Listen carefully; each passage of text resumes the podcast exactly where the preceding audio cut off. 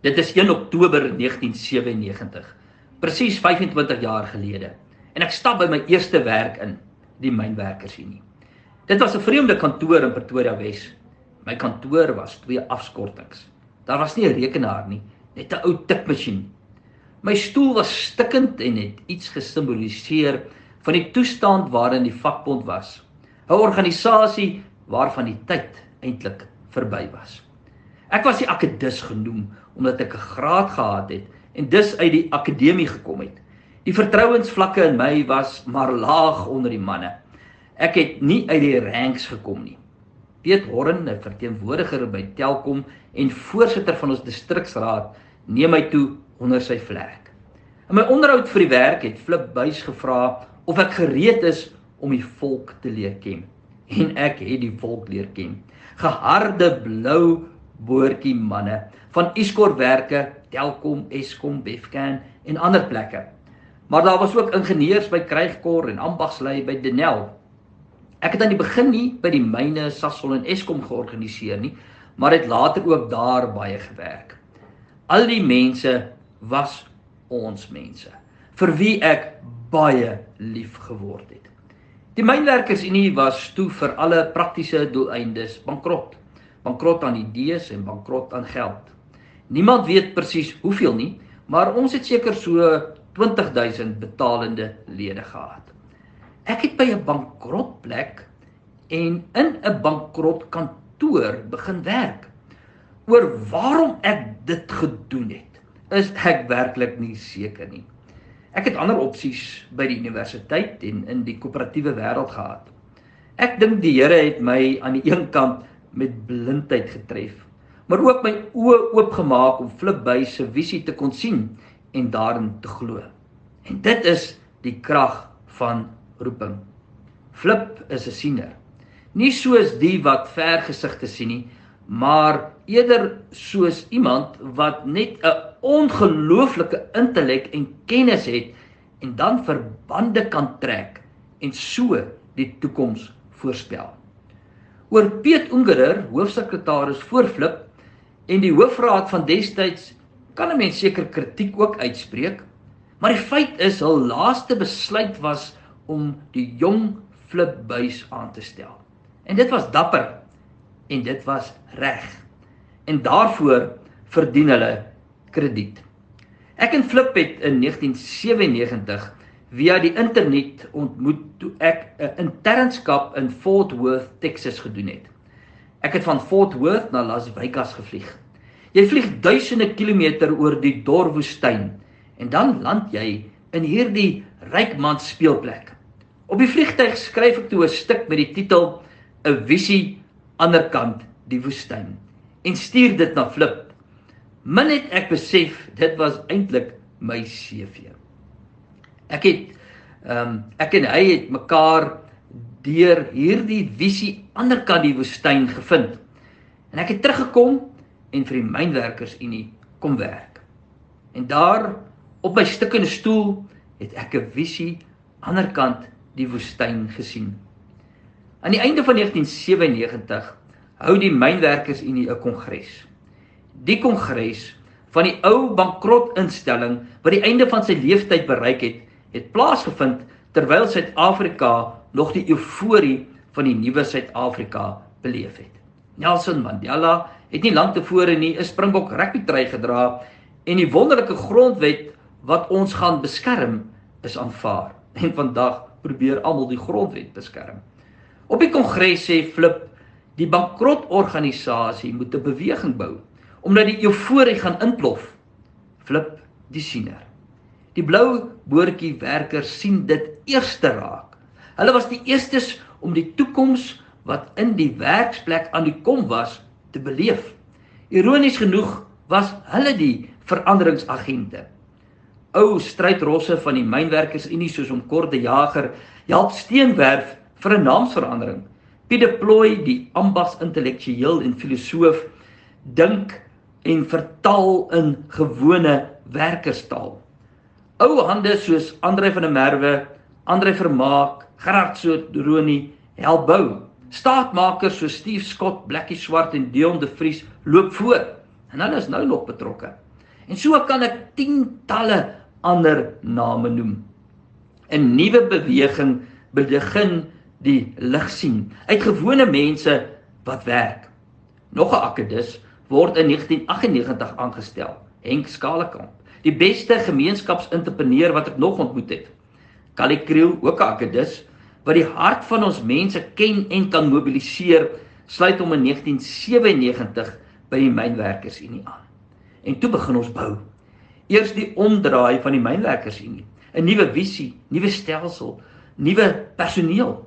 Ons lood solidariteit 'n nuwe saam staan naam. En dit vir ons droom in 2021 uh, 2021. Ons wil egter 'n beweging bou, een wat baie groter is as net die vakbond. Om die solidariteit beweging te bou, benodig ons geld. En ek en Andrei van der Merwe het dwars oor die land gereis en verteenwoordiger vergaderings gehou.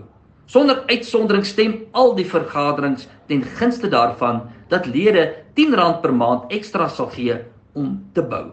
En toe bou ons daar 'n klap.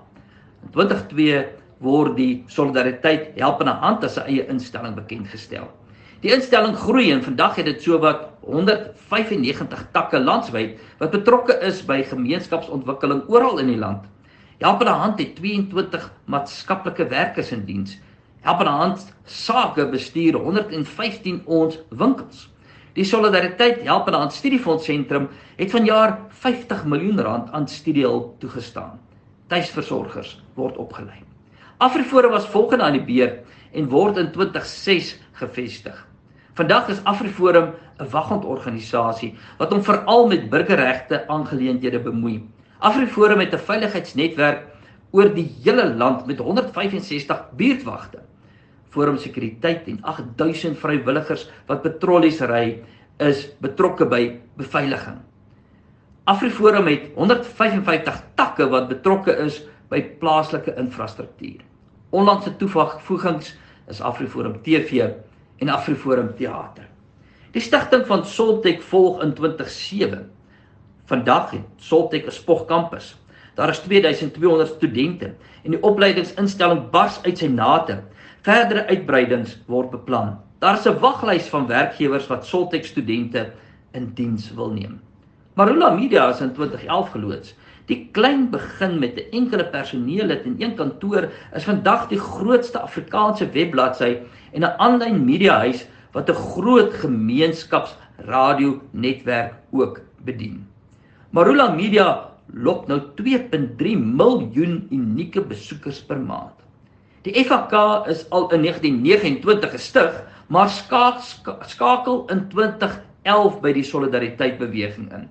Die FHK herstel Afrikaners se kulturele selfvertroue en het onlangs ook 'n bestuursooreenkoms aangegaan om die Voortrekker Monument te bestuur. Akademia is in 2012 gestig en het tans 2500 studente. Die eerste studente wat op die kampus klasdraf is in 2021 20 op Akademia se huidige kampus verwelkom. Nog graadkwalifikasies word deur Akademia aangebied. Hulle het intussen amptelike akkreditasie ontvang ook vir ander grade en buitelandse bande word gebou. 'n Reuse nuwe kampus word beplan, wêreldklas in Afrikaans. Die Solidariteit Skole Ondersteuningsentrum het in 2015 tot stand gekom en is besig om 'n bekostigbare Afrikaanse skoolstelsel van wêreldklas te ontwikkel. Die SOS se vakverenigings het die afgelope jaar 14000 onderwysers opgelei. Altesaam 52 skole en 5000 individue maak gebruik van die Wolkskool. Daar is groot planne om 'n nuwe onafhanklike skolenetwerk van wêreldklas gehalte in samewerking met vennote en ander skole daar te stel. Bokaroo is 'n nuwe opleidingsinstelling op Orania en is in 2016 begin. Tegniese en landbouopleiding sowel as opleiding in tuisversorging word aangebied. Studente vir hulle blyf en 'n nuwe kampus word gebou. Kanton Eiendomme is in 2019 gestig en bou leefruimtes vir Afrikaans. Kanton Eiendomme het die Soltech kampus gebou en gaan ook koshuis se vir Soltech as ook die nuwe Akademia kampus en 'n privaat skool bou. Die Oranje Ontwikkelingsmaatskappy is in 2020 gestig om bestuur projekte om die nuwe klein stad en streek te ontwikkel. Infrastruktuur, erwe, opleiding, veiligheid, intreebehuising, werk en welstand is hoog op hulle agenda. Die Solidariteit Regsfonds pak groot regsaake in openbare belang aan. Die Solidariteit Boufonds help om veral opleidingsinstellings te bou. Die Solidariteit Beleggingsmaatskappy bestuur van Solidariteit se beleggings en gee bestuursadvies. Solidariteit Finansiële Dienste bestuur finansiële dienste wat die verhouding met verseker insluit. In 2022 is Solidariteit besig om 'n groot nuwe fase te betree. Beroepsnetwerke wat op die ou gilde konsep geskoei is, word gevestig. 'n Reuse platform wat mense op elke lewensfase gaan ondersteun met hulle werk word gebou. Saam met die platform kom 'n nuwe werkfasiliteringsplatform en 'n nuwe fokus op jong mense. 120 jaar later en solidariteit maak nuwe groter planne. Die solidariteit beweging is in 2010 bekend gestel en dit is in 2013 geformaliseer. Die solidariteit beweging trust ontwikkel die federale idee en die federale plan. Hulle belyn die beweging se inisiatiewe, bou internasionale verhoudings en vestig internasionale strukture. Die trust is die saamkomplek van alles en bind al die instellings aan mekaar. 25 jaar gelede het ons ongeveer 20000 lede gehad en was bankrot.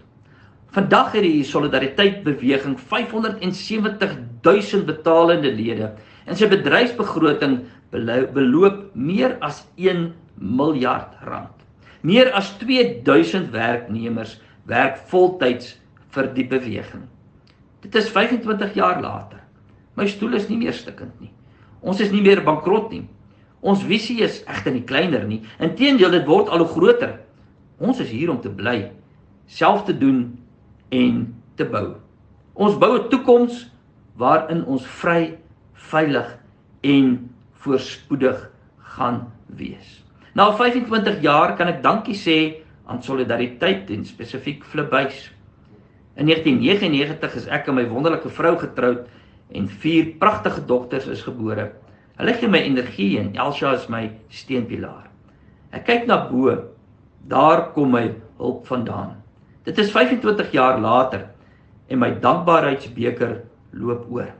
Ek leef in 'n visie aan die ander kant die woestyn.